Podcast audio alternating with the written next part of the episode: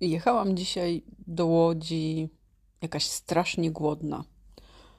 Boże, jak mi kiszki marsza grały.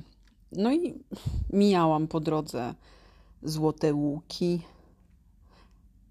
KFC-ki, Burger Kingi. Oj, wołało. Ale nie zajechałam, żeby się na szybko fast foodem posilić. Dlaczego?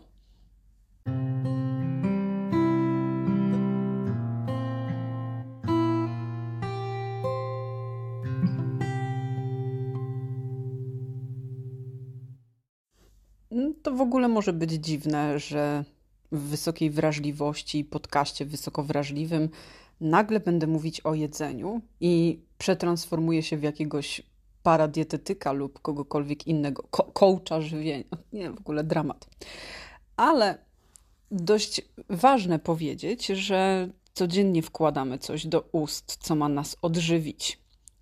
Codziennie albo świadomie, albo mniej świadomie dbamy o to, żeby w jakikolwiek sposób dostarczyć naszemu ciału e, odpowiedniej ilości kalorii, naszemu mózgowi też, który przecież jest hiperaktywny.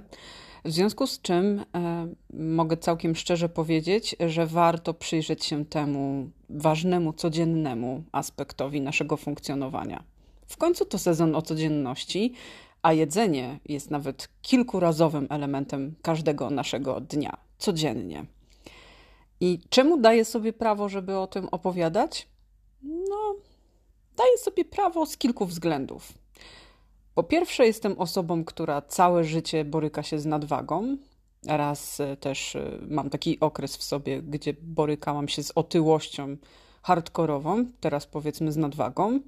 Jest różnica, gwarantuję.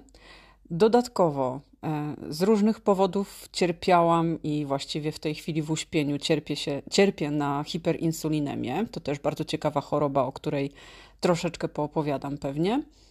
I summa summarum, przez te wszystkie moje lata nabrałam, nabrałam ogromnej wiedzy dotyczącej odżywiania. Czemu się tym nie podzielić? Natłoki myśli, nadmierne wzruszenia, zachwyty pięknem i potoki słów, upragniona cisza, zbyt duża empatia i dostrzeganie niuansów. To wszystko jest darem, a zarazem przekleństwem w wysoko wrażliwym świecie. Idąc ulicą, spędzając czas z bliskimi, rozmawiając z szefem, na każdym kroku masz otwarty szeroki kanał odbioru każdego dźwięku, gestu, słowa, obrazu, Czym jest? Jak sobie z nią radzić? Skąd się tu wzięła? Głęboko wierzę, że świat potrzebuje dzisiaj przede wszystkim wrażliwości. Zapraszam na wysoko wrażliwy podcast. Małgosia Leduchowska.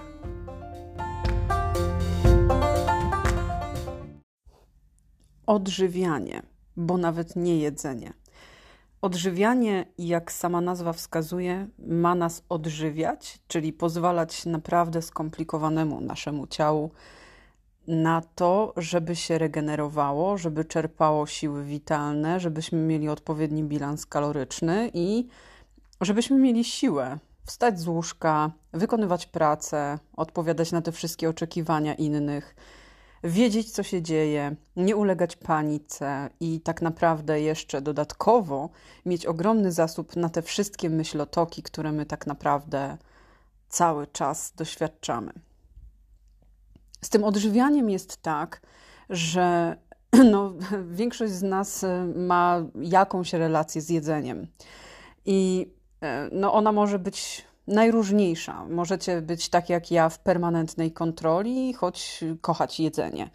Możecie nienawidzić jedzenia i bardzo mało go spożywać. Możecie mieć problemy z kompulsywnym jedzeniem, możecie mieć problemy z unikaniem jedzenia i jadłowstrętem. Możecie mieć e, najróżniejsze różne przypadłości związane z, ze spożywaniem pokarmów i bardzo, bardzo osobisty stosunek do tego, mm, co nazywa się w ogóle spożywaniem pokarmu. I na pewno to nie będzie odcinek o terapeutyzowaniu Was. E, raczej chciałabym opowiedzieć o tym, co warto jeść, na co warto zwrócić uwagę, e, no ale bez e, pewnych wiedzy, pewnych danych, które, które uporządkują całą strukturę, to pewnie nie da się do przodu e, pójść. Więc wybaczcie, być może to nie jest odcinek dla wszystkich, choć obiecuję, że e, postaram się o tym wszystkim opowiadać po ludzku opowiadać o wszystkim też z taką gwiazdką pod tytułem Gdzie mi nie poszło i jak bardzo ja schrzaniłam różne rzeczy, bo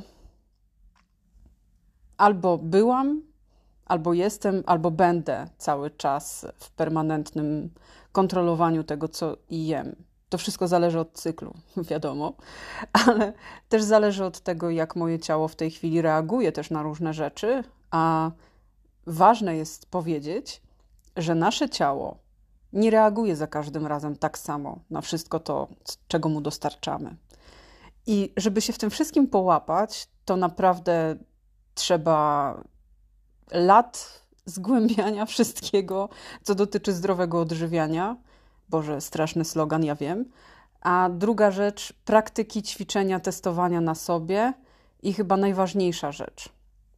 Ja w ogóle w tym odcinku nie będę mówiła o dietach.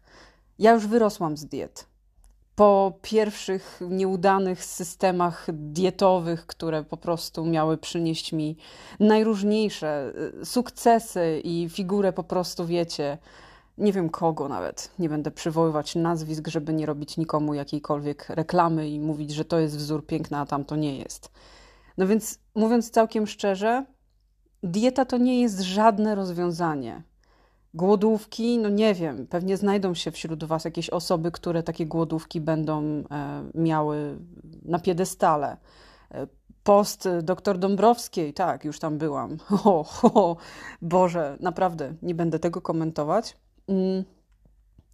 Ważne jest powiedzieć, że to nie chodzi o diety, nie chodzi też o wyrzeczenia, chodzi o świadomą decyzję decyzję, która ma wesprzeć nas w tym, abyśmy dobrze funkcjonowały.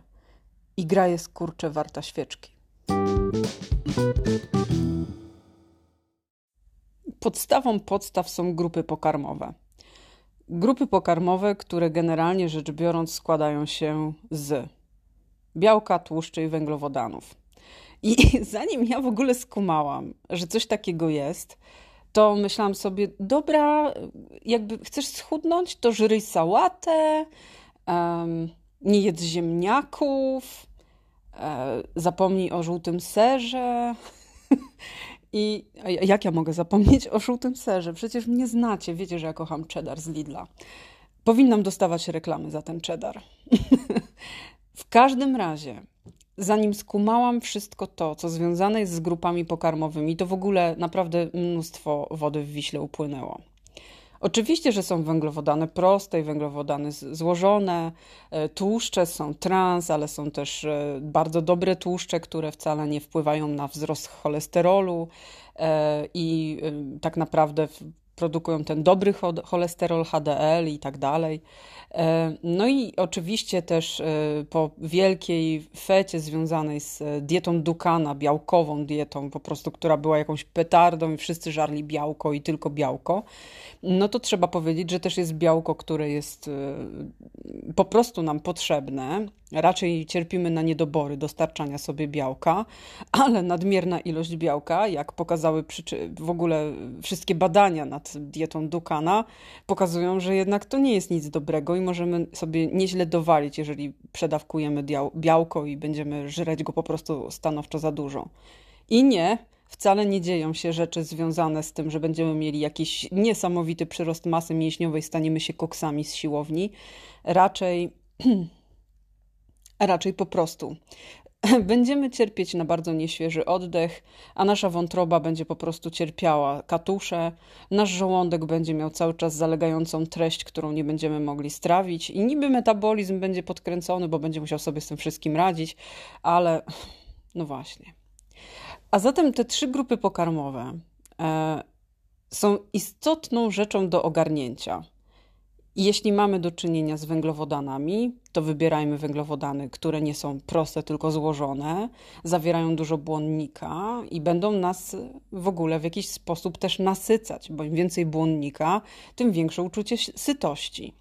Taka prosta rzecz, y, która mówi y, o tym, żeby jednak wcale nie unikać jakoś specjalnie ziemniaków, y, tylko dobrze jest je po prostu w jakiś sposób wymieszać z innymi grupami pokarmowymi i do tych ziemniaków dołożyć jeszcze trochę jednak mimo wszystko białka i jeszcze trochę więcej węglowodanów złożonych w postaci e, chociażby prażonych nasion, e, orzechów, e, dodać dobrą oliwę, zrobić jakąś fajną sałatkę and so on. Tak naprawdę sky is the limit.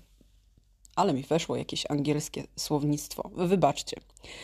W każdym razie, jeśli zaczniemy myśleć o proporcjach tego wszystkiego, co znajduje się codziennie na naszym talerzu przy każdym posiłku, to możemy bardzo szybko zrozumieć, że na przykład tyjemy albo czujemy się strasznie źle, ponieważ nie mamy zbilansowanej diety, czyli nie spożywamy odpowiedniej proporcji białka, tłuszczów i węglowodanów. Nie, nie powiem, jaka jest idealna proporcja, ponieważ każdemu z nas musi to wyliczyć konkretny specjalista, osoba, która nie jest po korespondencyjnym kursie z dietetyki, tylko jednak dietetyk kliniczny i osoba, która naprawdę wie, co ma zbadać i jak ma zbadać, i dowiedzieć się o wszystkich waszych chorobach i dostać najświeższe wyniki badań krwi i w ogóle. Generalnie podchodzenie do zdrowego odżywiania nie polega na tym, że biorę sobie z albo z magazynu Przyjaciółka jakąś najnowszą w trendach dietę i zaczynam przez dwa tygodnie się w ogóle katować, bo wydaje mi się, że to jest w tej chwili najlepsze, bo idzie sezon bikini i trzeba jednak tą dupę odchudzić. Nie. Na litość boską. Wiele osób, które spotkałam w swoim życiu, no kobiet szczególnie e, w pracy, gdzieś po prostu w, w gronie znajomych, cały czas permanentnie wpierdziela sałatę i myśli, że po prostu jest to najlepsze rozwiązanie. Nie jest to najlepsze rozwiązanie i jeszcze powiem w dalszej części tego odcinka, dlaczego tak nie jest. Natomiast naprawdę ten bilans wszystkich grup pokarmowych jest najlepszym startem do tego, żeby zacząć czuć się lepiej i nie tylko do chudnięcia, ale żeby mieć energię, żeby nie czuć, że to wszystko, co robimy, wykańcza nas już o 12, bo na przykład zjedliśmy niby taką zdrową owsiankę, ale z płatków błyskawicznych, które mają raczej wysoki indeks glikemiczny i bardzo szybko strzelają nam insuliną w organizmie, po czym mamy spadek tej insuliny i zaczyna się zjazd cukrowy. Znasz to? I o tym właśnie będzie w dalszej części tego podcastu. No właśnie, trochę zaczęłam mówić o tym, co nas zamula. E, zamula nas e, naprawdę kupę różnych rzeczy, ale szczególnie wtedy jesteśmy zamuleni, jeżeli, jeżeli w ogóle spożywamy bardzo dużo przetworzonej żywności, która jest bardzo, bardzo bogata w węglowodany. Ogólnie dobrą praktyką jest jednak zerknąć na to, w jaki skład i ile węglowodanów, tłuszczów, białka zawierają produkty, które kupujemy. I tak, rzeczywiście, przez moją chorobę, ja naprawdę jak idę do Lidla wspomnianego, to nawet jeżeli kupuję ten cheddar, to wiem, że do niego kupię sobie jeszcze jakieś fajne orzechy, pekan, e, wiem, że kupię sobie jakąś fajną sałatę, e, wiem, że sobie kupię jakieś fajne pomidorki koktajlowe, paprykę mm, i wszystko inne, co pozwoli mi trochę ten ładunek e, tłuszczu w jakiś sposób zbilansować, no bo jednak jest to wysokokaloryczna przekąska moja ukochana i mm, aż bym sobie taką malutką kosteczkę teraz podgryzła, mówiąc do Was. W każdym razie mm, wiele rzeczy nas zamula dlatego, że właśnie doprowadzamy do organizmu zbyt wysoką ilość węglowodanów, szczególnie tych węglowodanów niezłożonych, tylko prostych, które tak naprawdę robią nam totalną sieczkę z naszej wspaniałej, bardzo ważnej i jedynej na świecie trzustki. Co się dzieje, kiedy tak naprawdę e, dostarczamy sobie tak dużą ilość węglowodanów i jeszcze dodatkowo nie bilansujemy to innymi grupami pokarmowymi? No, nasza insulina rzeczywiście osiąga wtedy niebotyczne rozmiary. I jakbyśmy sobie mieli ją tak na skali narysować, to ona robi a potem tak naprawdę wszystko zależy od tego, czy nasze ciało jest zdrowe, czy mamy zdrowy metabolizm, czy przypadkiem tak jak ja nie cierpimy na jakąś hiperinsulinemię albo popularną i dobrze już rozpoznawaną insulinooporność. Te choroby są podobne, trochę inaczej ta insulina się po prostu zachowuje e, w czasie po posiłku, ale okazuje się, że właśnie te zjazdy, te takie mgły y, cukrowe, e, też są mgły covidowe, ale to jakby nie o tym, e, to te, te wszystkie objawy, których y, doznajemy, kiedy wypijemy kawę, walniemy sobie Marsa albo Snickersa, albo Twixa, albo cokolwiek innego i mamy po prostu taki strzał, ale nie możemy się skoncentrować i w ogóle najlepiej to, żebyśmy ze wszystkimi sobie pogadali. Jak sobie pogadamy, to nagle mamy takie zejście i sobie myślimy, ja pierdzielę, a jest dopiero czternasta. Na pewno to znasz, na pewno doskonale sobie zdajesz sprawę, o czym ja mówię. To wszystko wynik tylko i wyłącznie tego, co wpakowałaś do swoich ust. I jeśli robisz tak ciągle, to przyzwyczajasz swoją trzustkę do niebo, nie, niebosiężnych, Jezus, jak mam to powiedzieć, ogromnych, ogromnych wysiłków, które ona musi mm, powziąć, żeby sobie poradzić z tak dużą ilością węglowodanów, które trzeba jednak rozłożyć, pozwolić organizmowi, żeby je zmetabolizował. Jeśli tych węglowodanów spożywamy zbyt dużo, to ta trzustka sobie z tym wszystkim nie radzi i insulina, którą wyprodukuje, wcale nie doprowadza do jakiegoś fajnego rozkładania tego wszystkiego w naszym organizmie i zaczyna się pojawiać tkanka tłuszczowa. W jaki sposób, to już nie będę Cię naprawdę o tym wszystkim jakoś zanudzać, ale dobrze jest powiedzieć sobie wprost, że w naszej żywności E, w większości rzeczy, które znajdują się w sklepach, nawet w bardzo prostych produktach, wszędzie jest cukier. I teraz, jeśli jesteś osobą, która cierpi na e, insulinooporność, hiperinsulinemię albo masz cukrzycę, no to e, Twoja maniera spoglądania na to, co znajduje się w składzie produktu, który kupujesz, jest na pewno bardzo, bardzo wysoka. Ale jeśli nie chorujesz na te choroby, to problem jest w tym taki, że większość produktów jest dosładzanych, ponieważ cukier jest wspaniałym sposobem na polepszanie smaku potrawy. I ciekawostka, w kiełbasie też jest cukier, chociażby. Mnie to totalnie zszokowało i zrobiło mi totalną jadkę z mózgu, bo ja sobie naprawdę nie zdawałam sprawy, że tyle cukru mogę spożywać, zupełnie nie żerąc słodyczy i zupełnie nie zapijając tego na przykład słodkimi napojami. No więc how come? A jednak się okazuje, że tego cukru spożywam strasznie dużo. Na pewno e, oprócz takich strzałów węglowodanowych, e, o których powiedziałam, zamula nas wszystko to, co jest bardzo tłuste i wymaga po prostu skupienia się całego naszego organizmu na trawieniu, zamiast e, jakichkolwiek innych czynnościach i aktywnościach. Dlaczego mówi się o tym, żeby jednak po posiłku od razu nie iść na trening, szczególnie jakimś obfitym obiedzie? E, dlaczego e, yoga robiona jest raczej na czczo z rana, a niekoniecznie po śniadanku? No, pewnie by nam się ulało, mówiąc całkiem szczerze, ale mówiąc też e, całkiem poważnie. Wiele potraw, które spożywasz, może zdecydowanie wpływać na to, jak ty się czujesz. I wyobraź sobie chociażby wspaniałą miseczkę, w której masz ryż basmati, masz y, odrobinę fajnie upieczonego na y, papierze pergaminowym, skropionego lekko oliwą y, kurczaczka, albo na przykład tofu pokrojone w kostkę, które też sobie pieczesz na pergaminie. I do tego pokrojona w słupki marchewka, pokrojona w kawałki papryka, pół awokado, sprażone pestki słonecznika i jakiś taki drobny czatnej, który to wszystko fajnie posiłek totalnie, totalnie sycący, zajebiście odżywczy i to, co się dzieje z ciałem po zjedzeniu takiego posiłku, to jest mega motywacja, bardzo dobry nastrój i jakoś zero zamuły. Ale kiedy zeżresz kotleta, jeszcze jakiegoś takiego grubo panierowanego schaboszczaka na głębokim tłuszczu, na smalcu smażonego, e, do tego fryty, albo jakieś inne jeszcze formy przetworzonych ziemniaków w nie najlepszy sposób. A i może jeszcze jakaś gotowana marcheweczka za, zagęszczana mąką. No to sama dobrze wiesz, jak się wtedy czujesz. Na pewno od y, tych wszystkich rzeczy, które nas zamulają, y, można odróżnić rzeczy, które nas y, pobudzają. I na pewno jest mnóstwo takich rzeczy, które mogą wpływać na nasz ośrodkowy układ nerwowy. Natomiast może też tak być, że w wyniku spożywania tych rzeczy ciągle tego pobudzacza już po prostu nie będziemy czuć najzwyczajniej w świecie. Ja tak mam z kawą.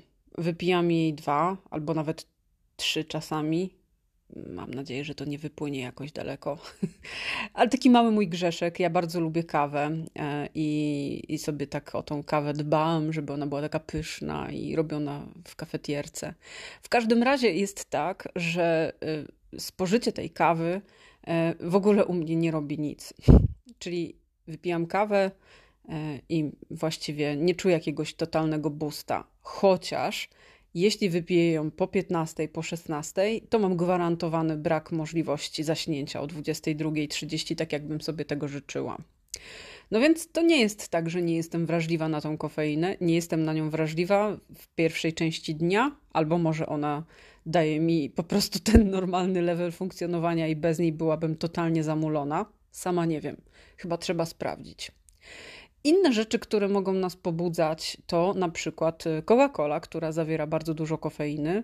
Jeśli lubimy sobie ją popijać, nawet w wersji zero, ja lubię, no to spożywanie jej po 15 też może e, wpływać na jakość snu, którą potem dobrze by było jednak uzyskać.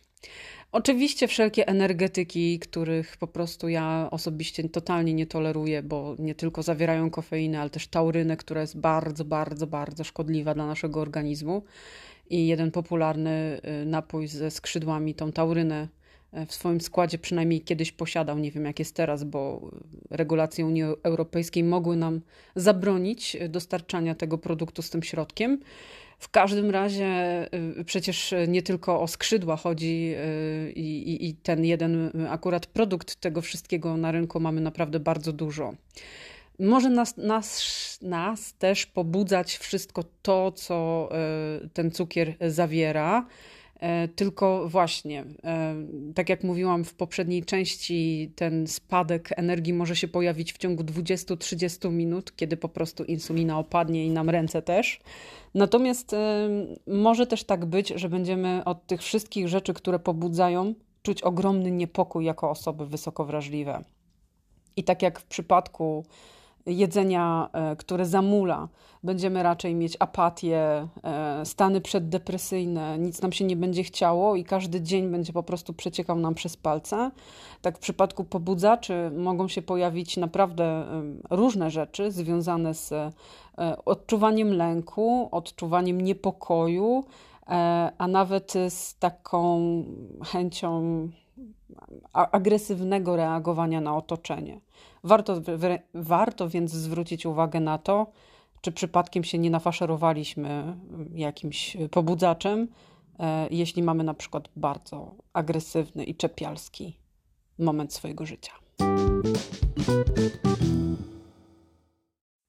Osoby wysoko wrażliwe czasami mi się żalą, moje klientki e, albo uczestniczki kursu, e, wtedy, Y, wtedy, kiedy je pytam o to, mm, co lubią jeść i jak się w ogóle czują każdego dnia, to często słyszę o tym, że jest im zimno, że permanentnie są wychłodzone, że mają cały czas zimne stopy, zimne dłonie, zimny nos, też bardzo charakterystyczny. E, I to jest też ciekawe, bo mnie często to dopada, tylko zaczęłam się też e, przyglądać, kiedy to się pojawia i w jakich okolicznościach. Okazuje się, że dbanie o to, żebyśmy miały ciepełko w brzuszku, przynajmniej z rana, czyli żebyśmy zjadły ciepłe śniadanie, e, tak naprawdę może e, przysporzyć nam potem e, ogromu, ogromu dobrego samopoczucia. Wychłodzenie może wynikać z tego, że nie używamy w ogóle żadnych przypraw, żadnych ziół i nie pobudzamy sobie trochę naturalnie tego naszego krążenia, bo możemy być na przykład tak jak ja niskociśnieniowcami i cały czas e, mieć e, trupie rączki i trupie stópki. No, jest to też jakiś urok. Można potem przyłożyć takie zimnice do kaloryfera i troszeczkę sobie te stópki rozgrzać. Ja bardzo lubię to robić e, pod prysznicem, sobie tak stać w tej ciepłej wodzie i tak się po prostu rozgrzewać. Natomiast no, to nie jest normalne, że my cały czas permanentnie czujemy ten chłód. Mówi się też często, że a, no jest ci zimno, bo jesteś takie chuchro. No ja nie jestem chuchrem, a jednak mi jest zimno. Więc jednak to nie wynika z ilości tkanki tłuszczowej, tylko jednak ze sposobu odżywiania. Co rozgrzewa wobec tego i na co zwrócić uwagę? No są trzy takie wspaniałe rzeczy, które warto wpleść do swojego sposobu odżywiania. To jest po pierwsze kurkuma. Nie dość, że posiada naprawdę mnóstwo właściwości i chroni nas przed y, stanami zapalnymi, infekcjami jest po prostu, oh, to jest złoto, a nie przyprawa, a prawie w ogóle nie ma smaku, więc niczego ci nie zmieni, jeżeli lubisz jakieś swoje ulubione smaki. I warto dodawać łychę do zupy, łychę do ryżu, jak się gotuje, wtedy jest taki fajny żółty. E, no ogólnie można dodawać e, kurkumy do wszystkiego, a nawet jest taki fajny napój, który można pić. Mleko, złote mleko e, z kurkumą, jeszcze kardamonem, cynamonem, miodem. O, mm, same pyszności. Druga rzecz, która rzeczywiście pomaga nam e, rozgrzewać ciało, to cynamon.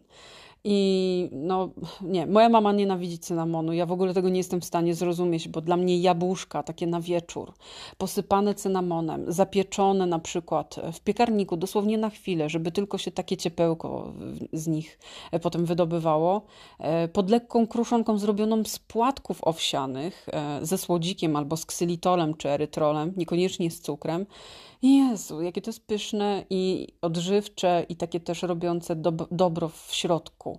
Jak człowiek zje coś takiego, to czuje błogość, a nie wyrzuty sumienia, ciężar i jedną wielką kluchę na żołądku.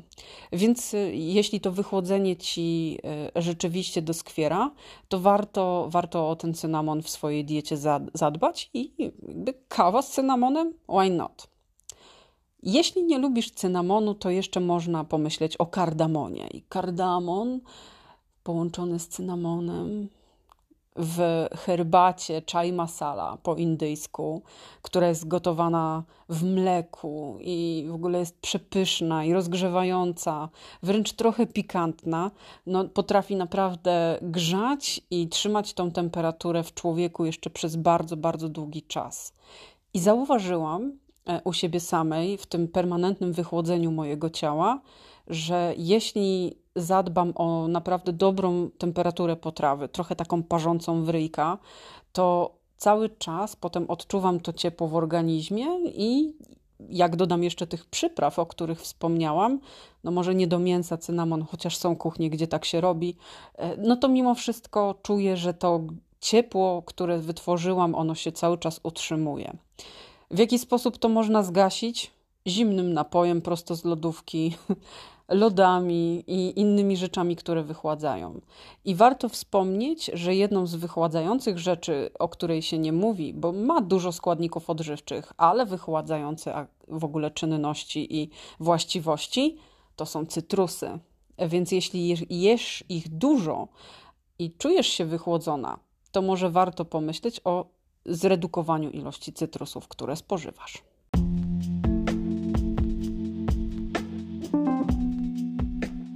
Nie wiem jak ty, ale ja już czuję nadchodzącą wiosnę. Trochę da się to wyczuć w powiewach cieplejszego wiatru i w dłuższym dniu. I na tą wiosnę właśnie przygotowałam coś naprawdę specjalnego. Być może zechciałabyś dołączyć do elitarnego, wyjątkowego grona wysoko wrażliwych kobiet, które o siebie zadbają bardziej? Jeśli tak, to w moim bio na Instagramie znajduje się link do wyjątkowego, jedynego w Polsce kursu Sztuka obsługi wrażliwości. To naprawdę bardzo rozwijające przedsięwzięcie i program, który może Ci pomóc. Serdecznie zapraszam. Ja o tym jedzeniu naprawdę nie bez kozery. Możesz się naprawdę cały czas dziwić. Ja też sama sobie się dziwię, że ja taki odcinek nagrywam, ale muszę Ci też powiedzieć, że jedną z rzeczy, która często pojawia się wśród osób wysoko wrażliwych, z którymi pracuję, wśród kobiet wysoko wrażliwych, jest e, permanentne głodzenie się. E, I to głodzenie się to takie działanie, powiedzmy, na tak dużym deficycie kalorycznym, że te dziewczyny jedzą na przykład 800-600 kalorii dziennie i to jest w ogóle jakiś totalny dramat, bo na przykład mają 1,70 m wzrostu i co najmniej 70 kg I jedzenie 600 kalorii czy 800 jest po prostu totalną masakrą i robieniem sobie totalnego spustoszenia w organizmie. Nie mówię już o apatii, o wyczerpaniu, o braku energii i wszystkim tym, co związane jest z niedostarczaniem odpowiedniej ilości kalorii, bo deficyt kaloryczny nie powinien być aż tak duży. Normalnie mniej więcej, jeżeli prowadzimy aktywny tryb życia, powinnyśmy jeść na deficycie, nie wiem, 1400 kalorii, 1500 to jest jakieś totalne minimum, bo kiedy sprawdzam sobie nawet na swojej aplikacji, ile kalorii zużywam w ciągu dnia, no to wychodzi na to, że ja ciągle jestem na jakichś 2-2200 kalorii, e, które bez jakiejś wielkiej aktywności zużywam. Po prostu łażę sporo i, e, i, i staram się w miarę poruszać i, i robić tą jogę, o której ciągle powtarzam. Natomiast kiedy spożywa się 600 kalorii, no to efekt e, chudnięcia no pewnie, pewnie będzie jakiś tam przez chwilę, przez 2-3 tygodnie potem się to wszystko zatrzyma, bo organizm po prostu będzie próbował radzić sobie z taką małą ilością kalorii, e, gromadząc e, z tego, co zjesz, po prostu zapas tkanki tłuszczowej, bo będzie wiedział, że musi robić wszystko, żeby tworzyć sobie po prostu najzwyczajniej w świecie rezerwy. To w ogóle jest niesamowicie istotna rzecz, bo to głodzenie się może też nie mieć takiego aspektu pod tytułem schudne to głodzenie się może wynikać z tego, że jedzenie dla ciebie może nie być takie ważne i możesz sobie myśleć, że jesteś tak naprawdę najmniej istotna i zjesz dopiero jak zje mąż i dzieci. E, możesz też sobie myśleć, że w ogóle to tak naprawdę z tym jedzeniem to wszystko jest przereklamowane i po prostu ważne, żeby tylko coś wrzucić do tego śmietnika. I, I to jest smutne, kiedy ja to słyszę bo jedzenie jest wielką przyjemnością i wielkim darem w dzisiejszym świecie. E, nie wszyscy mają możliwość jedzenia tak wspaniałych rzeczy, jakie my tutaj w Europie możemy spożywać. Czy w ogóle w krajach e, bardzo rozwiniętych, w których rzeczywiście jedzenie jest na wyciągnięcie ręki i nie jest e, aż takim towarem luksusowym, jak w innych e, krajach, gdzie, gdzie nawet o wodę jest trudno, taką zwykłą pitną, która, która nadaje się po prostu do odżywienia organizmu. Chciałabym Ci powiedzieć, że jeżeli posiadasz jakiekolwiek problemy e, z tym, żeby w miarę regularnie i dobrze jeść, to to, to jest rzeczywiście poważny problem i naprawdę potrzebujesz specjalisty. I bez względu na to, czy jesteś e, wysoko wrażliwa, czy wrażliwa normatywnie, jest to taka rzecz, która pewnie od środka powoduje ogromne spustoszenie w Twoim świecie emocjonalnym, w Twojej głowie i we wszystkim, co odczuwasz. I warto, e, żebyś spróbowała znaleźć dla siebie pomoc. Jeżeli takiej pomocy potrzebujesz, ja się takim tematem nie zajmuję, Natomiast jestem w stanie pomóc Ci znaleźć kogoś, kto się Tobą zaopiekuje i możesz do mnie spokojnie w takiej sytuacji napisać.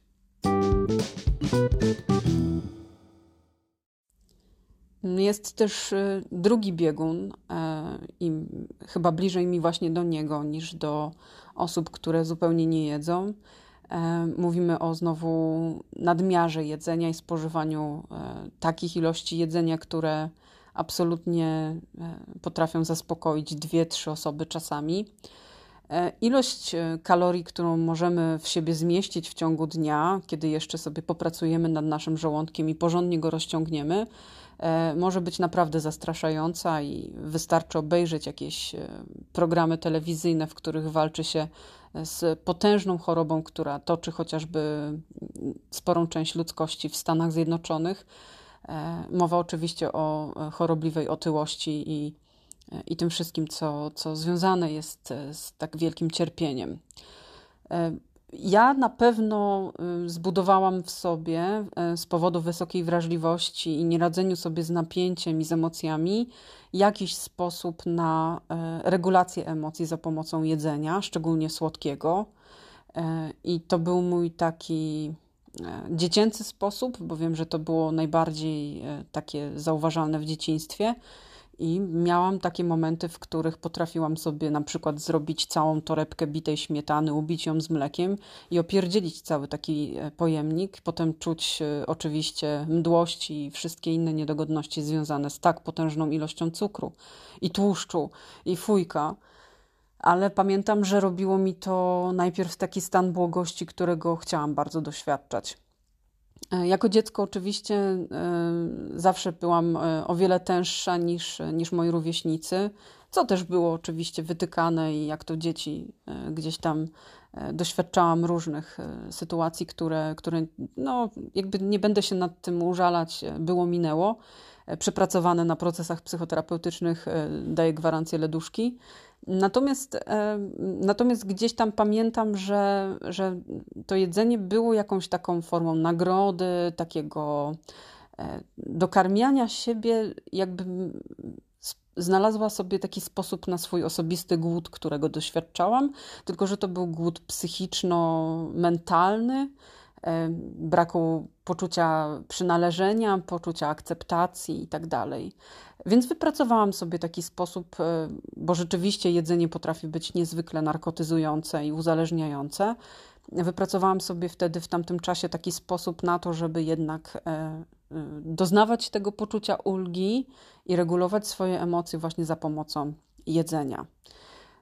No, oczywiście skończyło się to tym, że mając 19 mm, lat i mając 1,64 m wzrostu, ważyłam 97 kg. Więc możecie sobie wyobrazić, jak to, jak, jak to mogło wyglądać. E, gdzieś jeszcze jakieś zdjęcia mam e, i ciężko się na nie patrzy. Natomiast e, mówię o tym, ponieważ regulacja nadmiaru bodźców i regulacja w ogóle takiego napięcia, które się w nas pojawia, wysoko wrażliwych osobach, związane z najróżniejszymi rzeczami, chociażby tym, że się po prostu strasznie dużo działo, chociażby tym, że była bardzo napięta atmosfera, chociażby tym, że jesteśmy niekochani, nie mamy partnera, nikt nas nie dostrzega tego, e, co byśmy chcieli, żeby dostrzegł, może się kończyć tym e, zaburzeniem związanym z kompulsywnym jedzeniem, albo niekoniecznie kompulsywnym, tylko po prostu jedzeniem w nagrodę, po to, żeby siebie w jakiś sposób wyciszyć, ukoić, wypieścić, e, zrobić coś, co sprawi nam przyjemność. I pokazując to trochę na drugiej stronie bieguna, e, to nie jest mi bliskie, e, bo ja w tą drugą stronę, ale też e, w wyniku właśnie takiego poczucia nieprzynależności, w wyniku takiego poczucia przesycenia i przeładowania, mamy też jako osoby wysoko wrażliwe taką tendencję znowu do karania siebie i takich autoagresywnych form, które mogą doprowadzić do na przykład głodzenia się, niejedzenia lub nawet takich zachowań e, anorektycznych. E, I to są wszystko rzeczy, które należy bezpośrednio zgłosić do psychoterapeuty, do specjalistów, którzy zajmują się zaburzeniem odżywiania i problemami e, relacji z jedzeniem, ponieważ jest to bardzo poważny problem. I na dowód powiem, że da się z tego wyjść procesami psychoterapeutycznymi, i moja relacja z jedzeniem już w tej chwili jest naprawdę na takim bardzo zdrowym i normalnym poziomie, choć trzeba sobie wprost powiedzieć, że całe moje życie już będzie pod taką kontrolą, trochę jak e, w przypadku e, innych nałogów, e, kiedy po prostu trzeba patrzeć i przyglądać się, czy przypadkiem nie ulega się kompulsywnemu reagowaniu na ten głód, ale nie głód fizyczny, jedzeniowy, tylko ten głód emocjonalny, który chce się zaspokoić. No więc jakoś trzeba by było to wszystko podsumować. Nagadałam się dużo i z pozoru o rzeczach, które dotyczą wszystkich, a niekoniecznie wysoko wrażliwe osoby. Mam nadzieję, że ten komentarz, który dałam w kontekście wysokiej wrażliwości, w jakiś sposób pozwala ci się odnaleźć w tym niecodziennym z mojej perspektywy, ale jednak dotyczącym codzienności odcinku. Chyba chcę Ci powiedzieć, że dość istotne jest, żeby zacząć po prostu normalnie z tym jedzeniem funkcjonować i zacząć się po prostu odżywiać. Patrzeć na grupy pokarmowe i patrzeć, jak zbilansowany jest nasz talerz, czy to na śniadanie, czy na obiad, czy na kolację. Być może wcale nie potrzebujesz jeść pięciu posiłków dziennie. W moim przypadku przy hiperinsulinemii jedzenie tak często, no bo trzeba w ciągu e, krótkiego czasu, powiedzmy od e, siódmej do tej dwudziestej, zmieścić aż pięć posiłków, no to nie, to w moim przypadku to w ogóle nie robiło dobrej roboty. Ponieważ moja insulina opada bardzo, bardzo późno, więc muszę sobie robić przerwy czterogodzinne pomiędzy posiłkami. Ale wtedy te posiłki są o wiele bardziej obfite, bo nie ma pomiędzy nimi przekąsek w postaci nawet kawy z mlekiem, czy jabłuszka, czy jakiegoś soczku. Mogę pić tylko wodę pomiędzy nimi. I wtedy to dobrze sprzyja mojej trzustce i tym samym nie biorę metforminy, którą brałam przez 4 lata. No i gra warta świeczki. Mój organizm się do tego naprawdę przyzwyczaił i warto to robić. I czuję się wtedy lepiej, kiedy tak działam. A kiedy zjem częściej, to mam zjazd, zamułę, deprechę i totalnie niechciejstwo do życia. Warto też zwrócić na jakość jedzenia i tego, co spożywamy. Ja też lubię naprawdę zjeść coś słodkiego do kawy i bardzo lubię sobie na przykład obiad zakończyć jakąś słodkością. Staram się wobec tego y, sama tworzyć rzeczy, które nie będą słodzone cukrem, które będą y, znowu zbilansowane i nie będą miały wysokiego indeksu glikemicznego. Ja jeszcze na takie rzeczy muszę zwracać uwagę. Ty, jeśli nie chorujesz na taką samą chorobę lub insulinooporność, to pewnie nie musisz. Natomiast wychodzę z takiego założenia, że nie chcę jeść shitu i nie będę jadła shitu i choćbym miała jeść dużo, dużo mniej, to zawsze wybiorę jednak lepszej jakości składniki, byleby odżywić swoje ciało, a nie dawać mu kolejny wycisk, który naprawdę może być zupełnie niepotrzebny. Diety to nie jest coś, co warto w ogóle robić i po nie sięgać. Możemy sobie robić jakieś drobne oczyszczenia organizmu. Detoksy to jest chyba za mocne słowo, bo też są krytykowane przez wiele osób, które zajmują się zdrowym odżywianiem. Ja bym powiedziała, że dobrze jest siebie troszeczkę przygotować, czyli wyeliminować jakieś mocno obciążające potrawy, pokarmy, y, składniki odżywcze po to, żeby potem w jakiś sposób naturalnie przyzwyczaić ciało do bardziej odżywczych rzeczy.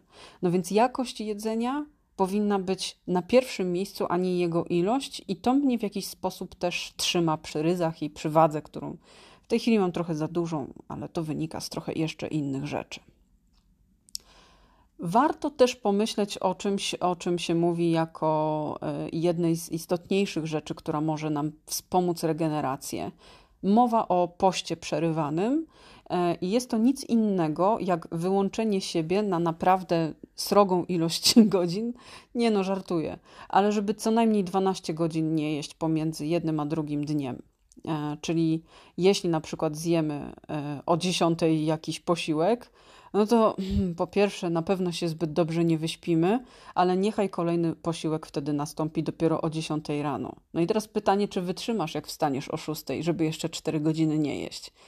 Um, oczywiście to nie jest tak, że e, powinniśmy od razu zaczynać od 12 czy 16 godzinnego e, postu pomiędzy jednym a drugim, ostatnim posiłkiem dnia a e, pierwszym następnego.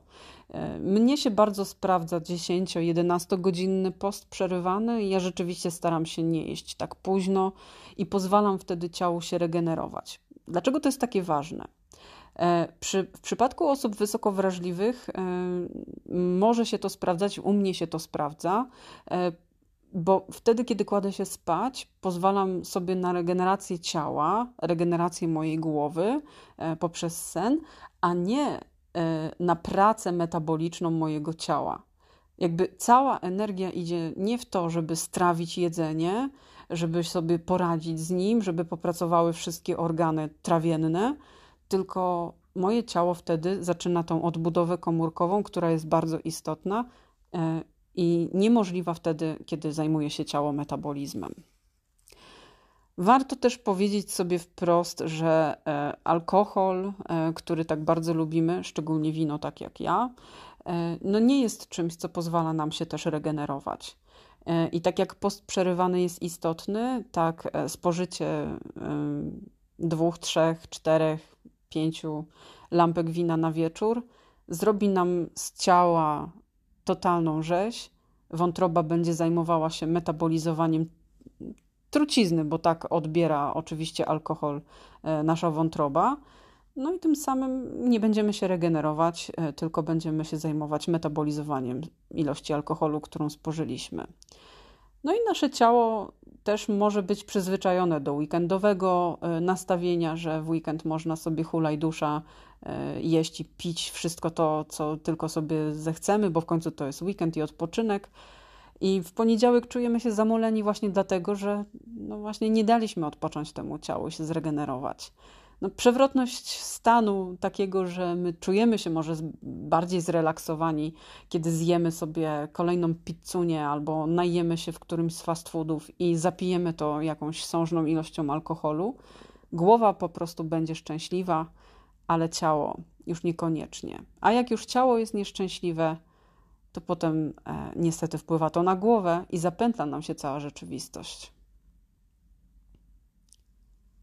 Twoje relacje z jedzeniem może wpływać niesamowicie na to, jakie masz relacje ze sobą, z innymi i z całym światem. I dlatego zdecydowałam się nagrać odcinek o jedzeniu, żeby dać Ci jakąkolwiek przestrzeń do tego, żebyś zaczęła się być może zastanawiać nad tym bardziej. Być może to jest jakiś klucz do tego, żebyś miała więcej zasobów i więcej rezerwy i bardziej puste wiadro do całego świata i wszystkich przeciwności losu, z którymi musisz się spotkać. Małgosia Leduchowska, Wysoko Wrażliwy Podcast.